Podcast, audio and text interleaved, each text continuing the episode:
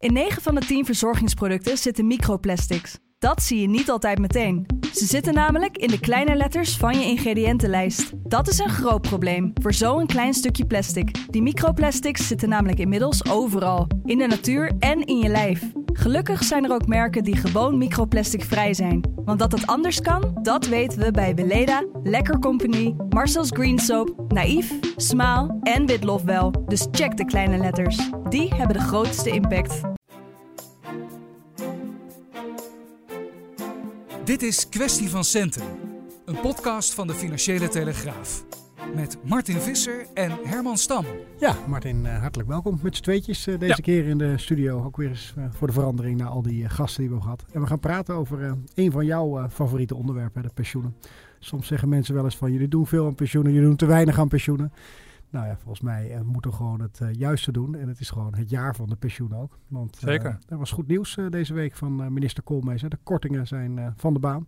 Ja. Maar of dat nou allemaal echt zulk goed nieuws is en wat de gevolgen zijn, dat gaan wij eens uitgebreid doornemen. Dan laat ik gewoon eens even met die vraag eigenlijk beginnen. Van hoe kijk jij er dan tegenaan als Koolmees zo'n mededeling doet? Is dat echt goed nieuws voor nou ja, dat, nou ja, het is natuurlijk heel dubbel. Ik bedoel, uh, ik kan me heel goed voorstellen dat mensen die met pensioen zijn, dat als goed nieuws zien. En dat begrijp ik ook wel. Van de week bijvoorbeeld uh, liet uh, ABP, het grote ambtenarenfonds, weten dat alleen al door het niet indexeren, dus het aanpassen aan de prijsstijgingen, in de afgelopen jaren een achterstand is opgebouwd van 19% Dus in die zin, ja, dat is ook een soort pensioenkorting, zeg maar. De prijzen stijgen wel, maar de pensioenen dus niet. Ja, uh, even dat perspectief nemend. Je bent gepensioneerd en je ontvangt een pensioen wat al jarenlang bevroren is. En het hangt boven je hoofd dat er echt nog echt iets van afgaat. Ja, dan, snap, dan begrijp ik al dat dit goed nieuws is. Of het voor de ja, financiële houdbaarheid van het hele stelsel goed nieuws is, dat waag ik natuurlijk wel zeer te betwijfelen. Dat is ook het ingewikkelde. Dat heeft natuurlijk echt meerdere perspectieven in die zin. Ik denk dat, dat uh, Wouter Koolmees deze beslissing dan ook echt uh, ja, tegen zijn eigen zin in heeft genomen omdat het even voor de lieve vrede wil niet anders kon. Ja, hij klonk uh, redelijk opgewekt. Misschien moeten we eventjes eerst naar een uh, fragment uh, ja, van hem luisteren waarin hij uh, die beslissing toelicht. Nou, in de eerste plaats natuurlijk voor de, voor de met name de gepensioneerden, die, die hard worden geraakt door, door mogelijke kortingen. Ik heb ook gezien de afgelopen periode dat er heel veel onrust is bij die mensen. En in de tweede plaats doe ik het ook om ervoor te zorgen dat we naar een nieuw pensioenakkoord kunnen komen met elkaar. Uh, omdat het maatschappelijk, maar ook politiek en in de, in de polder er draagvlak nodig is uh, voor dat nieuwe stelsel. En daarom heb ik dit uh, besluit genomen. Ja, we zijn wel eens bij hem op bezoek geweest om daar een podcast ja. op te nemen op het ministerie. Uh, dan had ik altijd het idee dat hij dit eigenlijk liever niet wilde doen. Nee. Dat hij meer een uh, purist is en het eigenlijk niet zo goed. Maar het moest politiek. Ja, hij kon politiek niet, uh, niet, niet anders. En dat, dat, begrijp ik ook volkomen. En, en misschien is het in die zin ook wel beter ook. Ik bedoel, nu heel veel onrust, terwijl ze echt in een best wel moeilijke fase zitten van de uitwerking van een pensioenakkoord. Ja, daar zou je ook niks aan hebben. Maar ja, de Nederlandse banktoezichthouder die is ook, die is ook morrend akkoord gegaan. Want de, de pensioenwet uh, bepaalt ook dat de minister dit alleen mag doen na overleg met de toezichthouder.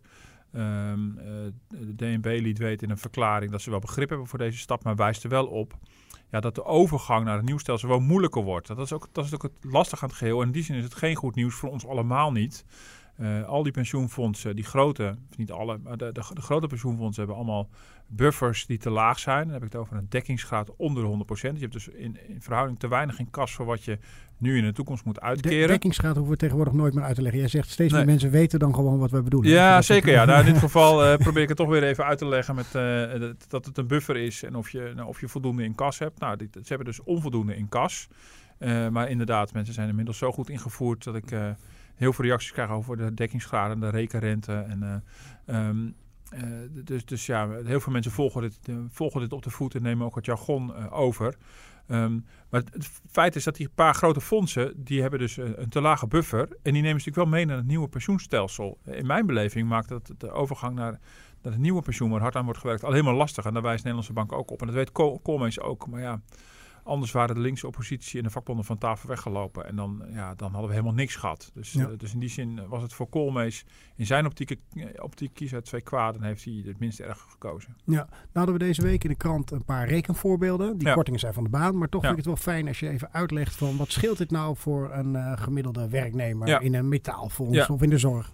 Nou ja, uh, de grap was dat we bij de zorg, nu, nu je dat noemt, die hadden, in die zin zijn het echt dagkoersen. Daar, daar lag de... de de financiële positie was zodanig dat ze net niet meer hoefden te korten. Zoals het er eind oktober voor stond. Dat kan eind november, eind december weer anders zijn. Maar de twee metaalfondsen die zouden bij de huidige stand wel moeten korten. En nou, dan heb je, je hebt twee grote metaalfondsen, PME en PMT. Uh, ik heb allebei opgevraagd van wat, wat, wat keren jullie gemiddeld, gemiddeld aan pensioen uit? Nou, bij het ene metaalfonds PME is het 700 bruto per maand en bij de andere is het 600 bruto per maand. Dat komt dus bovenop je AOW. Mm -hmm. Van nou, om en nabij de ruim 1000 euro. En um, uh, nou, bijvoorbeeld voor het PME, een van die twee metaalfondsen, zou dat betekenen dat uh, iemand met een bruto uh, aanvullend pensioen per maand van 700 euro ongeveer 35 euro gekort zou worden. Dan kan je zeggen, ja, het is, het is maar een paar tientjes. Maar vergeet niet, nou, dit komt bovenop het feit dat die fondsen natuurlijk jarenlang hun pensioen überhaupt niet hebben kunnen aanpassen aan ja. de prijsstijgingen. Dit is echt iedere maand die, die, die, die tientjes. En um, ja, als jij en ik minder zouden gaan verdienen, om wat voor reden dan ook, dan hebben we, tenminste in theorie, nog de kans om, uh, uh, weet ik veel wat, uh, een baantje erbij te nemen, meer te gaan werken of in de toekomst harder te gaan werken. Dit gaat ook om mensen die ja, eenmaal gestopt zijn met werken en die, ja, de, de, de, zij kunnen niet meer aan hun inkomenspositie en, en hoe doen. werkt het voor hun? is die korting dan definitief of kan je op een gegeven moment toch weer zeggen van nou, die 35 krijg je ja. weer terug over een paar ja, jaar? Voor die twee metaalfondsen zou die definitief zijn geweest. Dat gaat dus niet door, hè, voor de goede orde. Uh, tenminste, even de komende anderhalf maand aankijken. Maar zoals het er nu voor staat, gaan ze niet door. Die, die, die ze kunnen nog net onder die grens wel zakken. Het, en dan het, zou, gaat het wel. het zou kunnen dat als de beurs instort in december, dan hebben we weer een ander verhaal. Dan maken we een nieuwe podcast. Ja. Um, uh, nee, voor die metaalfondsen zou het echt uh, onherroepelijk zijn. Um, ABP en het Zorg- en Welzijnfonds, dat zijn de, de, de grootste en de ene grootste. De, daar dreigden kortingen die voorwaardelijk zouden zijn. Um, ja, het, het, ingewikkelde is, en dat speelt ook een rol in de discussie, het is nagenoeg niet meer, niet meer uit te leggen hoe het werkt. Dat, dat, dat die twee verschillende fondsen in verschillende regimes vallen. Er zijn verschillende buffereisen. En de, de ene stel fondsen, die twee, twee metaalfondsen, die voldo, voldo, voldeden niet aan de ene buffereis. En daar hoorden onherroepelijke kortingen bij. Die andere twee fondsen voldeden bijna niet of niet aan die andere buffereis. En daar hoorden weer voorwaardige kortingen bij. Mm -hmm. Maar die zouden volgend jaar dan weer met die vorige buffereis uh, te maken hebben gehad. En zo zou je een, scenario krijgen. Het is, het is bijna niet met goed fatsoen uit te leggen. Van een soort haasje over. Van allerlei kortingen op kortingen. Waarbij het ABP dan nu die ene soort korting zou moeten hebben. En volgend jaar waarschijnlijk die andere soort korting. En het jaar erop weer een volgende. We hebben het in de krant al eens een keer een verhaal mm -hmm. gehad. Dat er ja, bij de huidige regels echt een stapeling van korting aan zit te komen. Jaar na jaar na jaar. Ja, en da daarvan voelt ik iedereen aan, ja, dat is natuurlijk gewoon, dat is gewoon onhoudbaar. Dat hele systeem is natuurlijk onhoudbaar. En niet om het nog ingewikkelder te maken, maar dat zou dus ook betekenen voor mensen die nu niet met pensioen zijn, die krijgen dus ook te maken ja. met die korting van 35 uh, euro. Ja, dit, uh, zeker. Voorbeeld. Ja, zeker. Dat, uh, dit ging om een, om een korting van een procent of uh, vijf, iets, ietsje minder, ja, 4,9 procent. En dat betekent ook dat voor werkenden wordt het ook afgestempeld, zeg maar, van hun pensioen. Die zijn natuurlijk nog steeds bezig met opbouwen. Dus in die zin hopen die misschien wel op betere tijden. Maar die korting gaat er gewoon helemaal af. En dan hoop je dat je op een gegeven moment in een scenario komt in de loop van de jaren. Ja, waarin uh, de, de pensioenen ook weer geïndexeerd kunnen worden, aangepast aan de prijzen. Maar ja, die korting weer inhalen, dat is wel ingewikkeld. Nou, dat mm. voorbeeld waar ik mee begon met ABP, waar het, waar het gat door niet indexeren al is opgelopen tot 19 procent. Nou, zie dat, dat, dat haal je niet meer in. Dat, ja. is, dat is kansloos. Dus iedereen heeft op een manier een pensioengat. Hoe, het is uh, iedereen die op de, deze manier via collectieve uh, pensioenen spaart in, in een van deze fondsen. Want er zijn ook wel een paar fondsen bij bedrijven die, uh, die het veel beter doen. Maar het, ja, er zitten miljoenen mensen bij deze grote fondsen. Maar wat kan ik doen? Weet je, dan zie je, krijg je af en toe zo'n pensioenbrief en denk je, oh jee, bij ons gaat het ook niet zo goed in mijn pensioenfonds. Wat kan je doen? Je kan uh, met uh, pensioenbestuurders gaan praten van, joh, doe eens wel beter je best. Of moet je maar gewoon maar neerleggen? Wat, wat is... Uh, wat... Ja, nou ja, weet je, dat is een beetje het rare. doe, doe maar beter je best, dat gaat niet meer. Hmm. Ik bedoel, um, nu komt er een jaar uitstel, maar ja, dat is niet bedoeld uh, om die pensioenfondsen beter beleid te laten voeren. Dat gaat gewoon niet meer. Die, die, die beleggen miljarden. Uh, dat is een soort, soort grote mammoetanker, dat beleggingsbeleid. Daar kan je niet zomaar bijsturen. Nou, ABP is de berucht omdat ze hun renterisico niet of nauwelijks hebben afgedekt. Hm. Hmm. Dus die zijn zwaar pineut door die dalende rente. Ja, dat kan je niet zomaar even bijstellen. Dat, zo, zo werkt dat niet. Dus in die zin... Maar iemand heeft wel ooit daar de beslissing genomen om zeker. dit te doen. En dat ja, is niet die, heel goed uitgepakt beleid geworden. Uh, nee. En dan wordt die iemand ook nog regelmatig op aangesproken. Uh, en die iemand zegt dan, ja, ik had niet kunnen weten dat de rente zou dalen. Uh, nou ja, dat pak even een rentegrafiek van uh, sinds de jaren 80 en je ziet wat de trend is. Uh, die is niet omhoog. Mm -hmm. dus wat kan je doen? Ja, bijsparen. Dat zou je kunnen doen. Het hangt er een beetje vanaf. Je moet ook denk ik voor jezelf goed be be bekijken wat jouw situatie is. Kijk, even gesteld dat we deze gaten niet zouden hebben gehad, dan hebben we echt een goed een royaal pensioenstelsel. Daarom wordt ook altijd zo geprezen in het internationale onderzoek. Um, dus ik denk dat je gewoon voor jezelf moet kijken van uh, ja, wat, wat is de impact van dat gat uh, speciaal, specifiek voor mij. Dus ik denk dat we macro gezien als Nederlands bij elkaar wel echt heel veel met elkaar uh, aan het sparen zijn. Dus het is niet een generiek advies voor iedereen, ga bijsparen. Maar als je op een gegeven moment denkt, ja, ik heb gewoon ja, te grote gaten opgelopen en, te, en, ik heb te weinig. Ja, dan, dan dat. En wat natuurlijk echt een grote hulp ook is, en dat is vooral voor huizenbezitters, de huurders hebben daar natuurlijk niet zoveel aan, is dat, uh, ja, dat, dat, dat alle mensen die een huis kopen tegenwoordig door de hypotheekregels gedwongen worden om een huis af te lossen. En ook steeds meer mensen dat sowieso doen.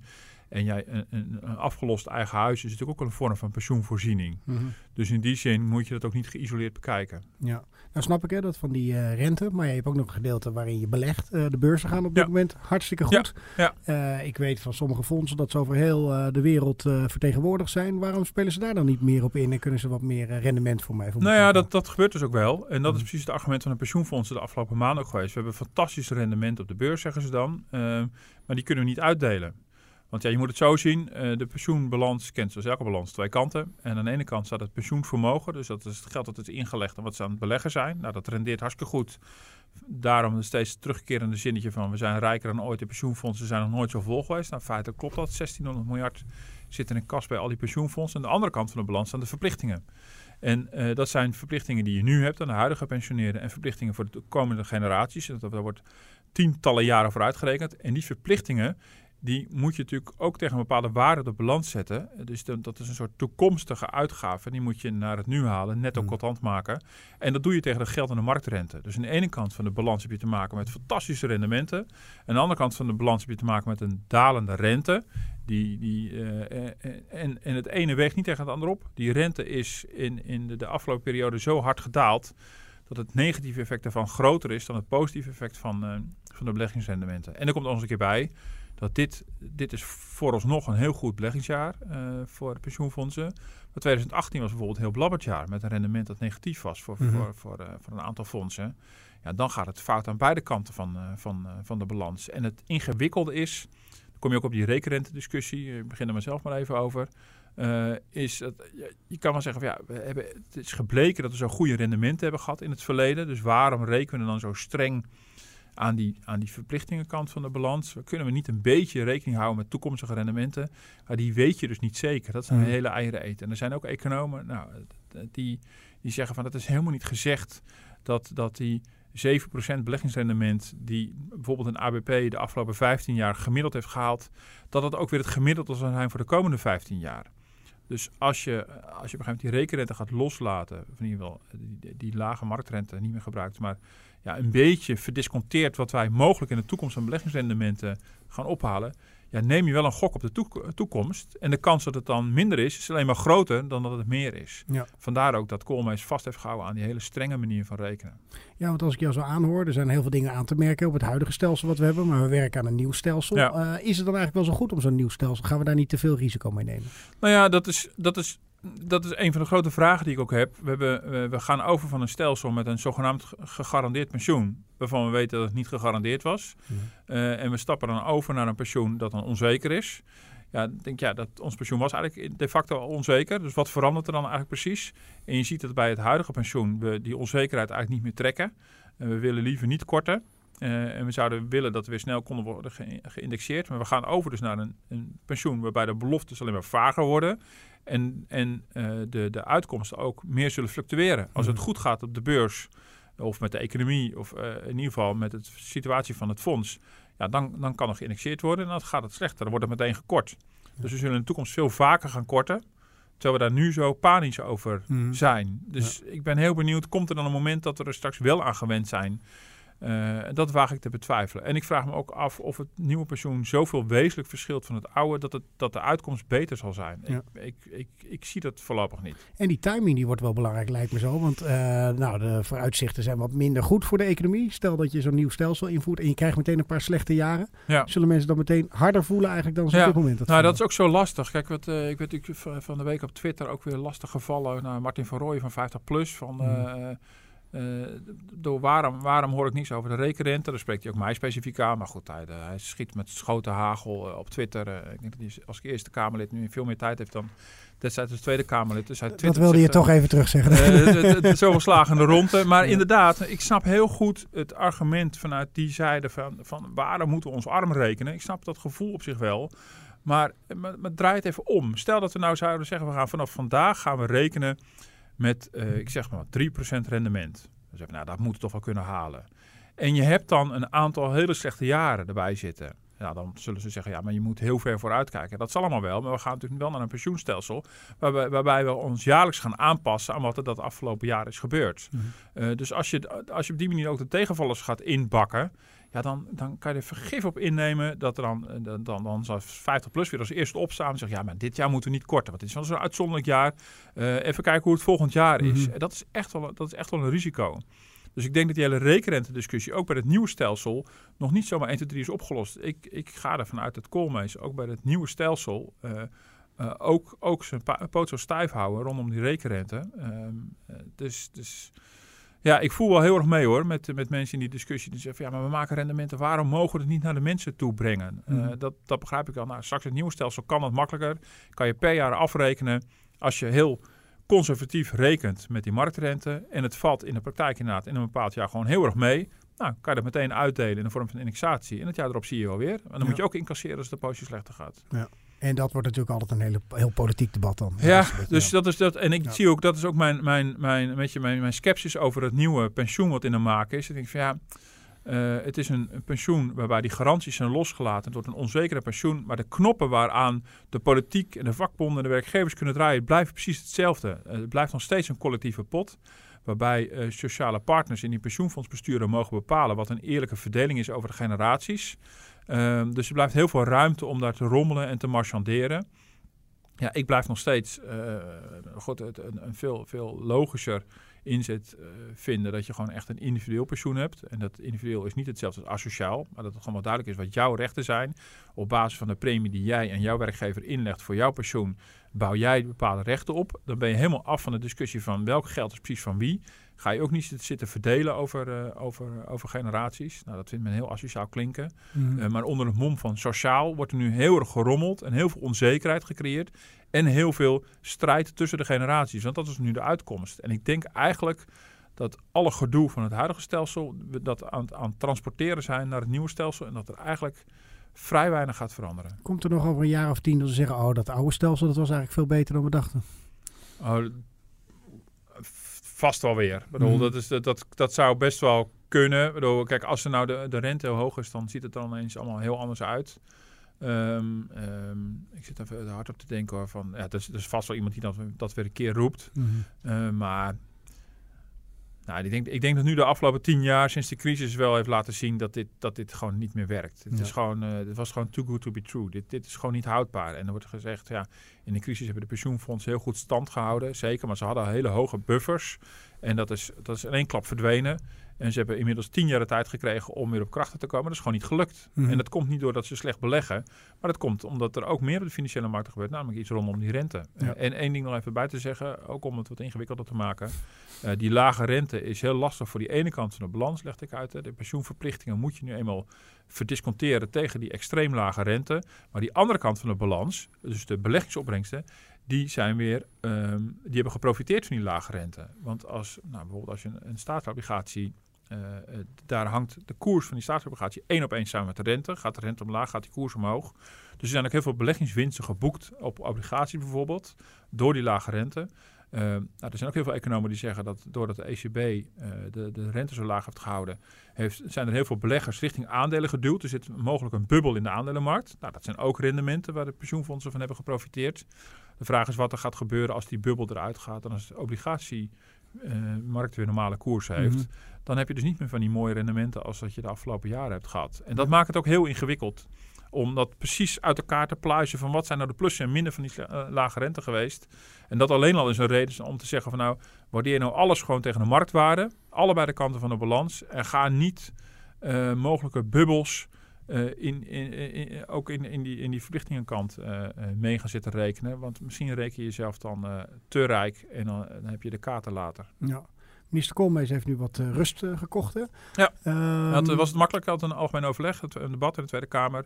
Nou, twee vingers in de neus. Mhm. Dat, uh, daar, daar gleed je zo doorheen. Ja. Ja. Maar nu verder, want je hebt wel eens verhalen geschreven dat die hele de pensioentafels nog niet ingericht zijn. Dat de mensen Ja. helemaal niet weten wie over welk onderwerp moet gaan eh, praten. Ja. Wat staat ons te wachten en wat gaat het inhouden voor onze gepensioneerden? Hoe snel kan eh, zo'n nieuw eh, stelsel eh, in elkaar gesleuteld Ja, worden? nou, mijn, ehm, de, het streven van Koolmees in oktober was om eh, uiterlijk april 2020 de uitwerking van het pensioenakkoord rond te hebben. Het viel mij op dat in de brief deze week, er stond voor de zomer van 2020. Ehm, dus dat is, daar heeft hij alweer wat een Ja. beetje tijd gekocht. Dus voor mij is dat een signaal, want die woorden worden altijd heel goed gekozen. Dat er toch een kleine uitstel eh, of een, eh, een, eh, hoe zeg je dat, een vertraging in zit. Mhm. Ik heb het nog even gecheckt bij een van de onderhandelaars en die beweren van niet. Die zeggen dat tijdpad is nog steeds hetzelfde. Maar dat, dat gaat dan zo, hè? dan stilzwijgend wordt april ineens voor de zomer. En eh, de zomer is in, in Haagse begrip ook al heel ruim. Dat is ergens voor het reces. Dat kan ook ergens diep in juli zijn. Ehm, eh, dus dat om te beginnen. Ik waag te betwijfelen of ze dat gaan halen. Maar in ieder geval, het tijdpad is voor de zomer moet die uitwerking rond zijn. Eh, dan heeft Koolmees ook een beter idee hoe het nieuwe pensioencontract eruit ziet. Hij heeft een beetje ge- erop gehint dat hij dan eind volgend jaar misschien al iets van de nieuwe regels van het nieuwe contract ook kan gaan toepassen op ons huidige pensioen. Eh, daarmee eh, lijkt hij te suggereren dat de kortingsdiscussie die er ongetwijfeld volgend jaar opnieuw komt, dat hij die, kan, eh, dat hij niet kan kalt stellen met mogelijk nieuwe pensioenregels, die dan alvast een beetje vooruit gaan lopen op het nieuwe contract. Het was een beetje onduidelijk wat hij daar precies bedoelde.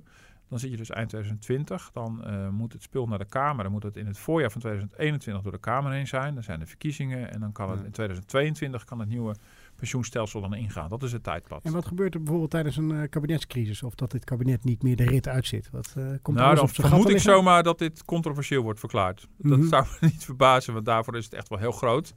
En dan zou achter de schermen zouden... Ik zit hard op te denken hoor, van... De vakbonden en werkgevers kunnen vrolijk verder onderhandelen. Maar dan heb je een minister die zit met een controversieel eh, onderwerp.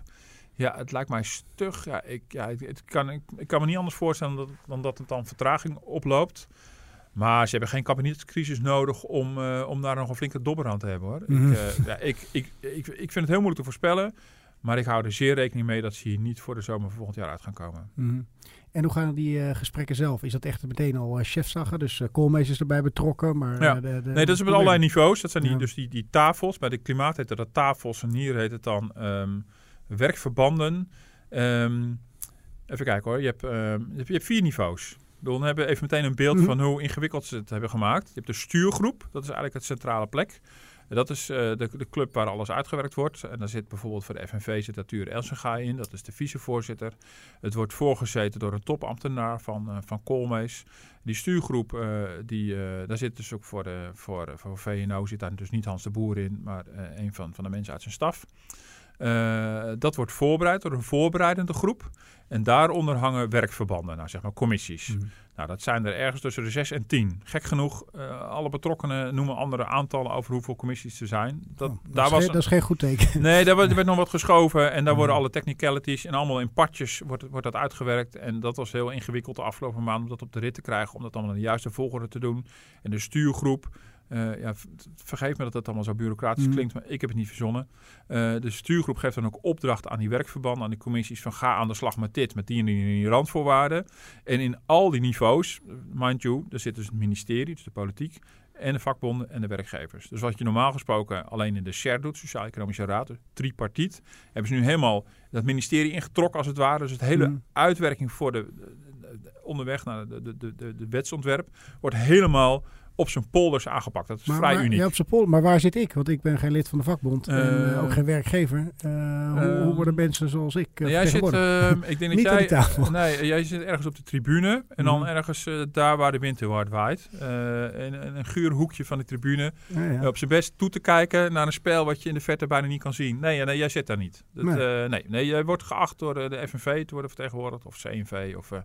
eh, denk ik. Dus, eh, maar dan moet je maar lid worden van de vakbond, zal de vakbond dan zeggen. Eh, maar ik was nog niet eens klaar, want er is Mhm. ook nog een bestuurlijk overleg. Boven de stuurgroep, dat is, dan, dat is de escalatieladder. Dan kunnen ze, als het misgaat in de stuurgroep, dan gaan ze escaleren naar boven toe. Nou, dan komt Koolmees in beeld. Escalerend naar boven. toe. Ja, ja dat, maar Ja, escaleren is overigens ook gewoon een term in, het management. Hè. Als, je, Mhm. als er een, een probleem is in een, in een organisatie, kan je het escaleren. Dat kan politiek, kan je het ook escaleren. Dat betekent niet dat het uit de hand loopt, maar dat je het naar een hoog niveau tilt. Maar meestal loopt het dan op het lagere niveau uit de hand. Ehm, en, dan krijg je dus de Hans de Boeren en de Wouter Koolmezen. Die, eh, die, die kunnen op dat niveau... eh, maar in principe, die, die stuurgroep, dat is ehm, de, de club waar het gebeurt. En eh, ja, daar zitten dan... ehm, daar, daar zitten ook weer toehoorders bij of, of, of aanschuivers, weet ik hoe ze heten. De, de, de Nederlandse Bank, het Centraal Planbureau, de pensioenfonds zijn op een bepaalde manier vertegenwoordigd. Eh, die zijn, zijn niet officieel onderdeel van de onderhandeling, maar die zitten er ook allemaal bij. Nou, ik weet niet wat voor megazalen ze hiervoor eh voor huren, maar eh, Mhm. dat is nogal een Poolse landdag. En dat op al die niveaus. Dat is, eh, en eh, ja, goed, jij bent dus ehm, nou, niet rechtstreeks vertegenwoordigd. Eh, ja, ik weet niet wat je stemgedrag is. Misschien ben je via de politieke lijn wel vertegenwoordigd. Maar, eh, Mhm. maar jij wordt wel de, de, ja, de, de, de, de, werknemers en de gepensioneerden worden geacht via de vakbonden vertegenwoordigd te zijn. Er Ja. zijn overigens ook nog een apart zaaltje. Er is ook nog een. Um, Wouter Koolmees praat ook af en toe, of zijn ambtenaren, ehm, eh, met een soort klankbordgroep. En daar zitten oudere organisaties in. Nou, die vertegenwoordigen jou niet. Eh, en de jongere organisaties. Nou, dat, ook, dat- net, dat- ook net niet helaas. ja, daar doe ik geen uitspraken over. Dat is een beetje gevaarlijk. Maar ouderen en jongeren worden op mijn manier ook nog weer gehoord. Maar eh, nou, ga er maar aan staan als minister. midlifers niet. nee, mid, midlifers, eh, wij, wij moeten wel straks de rekening betalen. Dus nee, nou, misschien is het ook wel goed om ons dan buiten, buiten beschouwing te laten. Maar, precies. eh, Hmm. nee, maar dat is maar gekheid. Nee, maar ja, dat is gewoon op de traditionele polder manier georganiseerd. Behalve dat het bijzonder is dat je dit echt tot in het detail helemaal onderhandelt met vakbonden en werkgevers. En daarom is het denk ik ook wel een, een niet zo moeilijke voorspelling om te denken dat het vast nog een keer misgaat. Want als je met zoveel mensen moet onderhandelen over elk detail, Mhm. nou, dan, eh, ja, dan weet je dat het ergens op een van die deelonderwerpen vast nog een keer flink gaat knetteren. Eh, volgens mij de hoogste tijd om eh, ook eens een keer weer eh, te proberen iemand in de studio te krijgen waar we al een keer bij op bezoek zijn geweest. Wouter Koolmees, die volgens mij onze podcast goed luistert. Dus Ja. bij, bij deze de uitnodiging, want ik denk dat we heel wat door te praten nog Ja, hebben. misschien kan hij met je sfeerbeschrijving geven en, en al, die, al, al die niveaus wat er allemaal Ja. gebeurt. Maar ik denk dat ik vermoed dat hij nu de kaart tegen zijn borst houdt. Hij heeft rust gekocht, dat zei je net al. En hij is er nu voorlopig voor een poosje vanaf. En dat is wel in zijn belang. Dat Mhm. gewoon nu in alle stilte kan worden onderhandeld. En ik vermoed dat er de komende tijd ook niet zo heel veel gaat uitlekken. Het is nu ook wel echt technisch allemaal.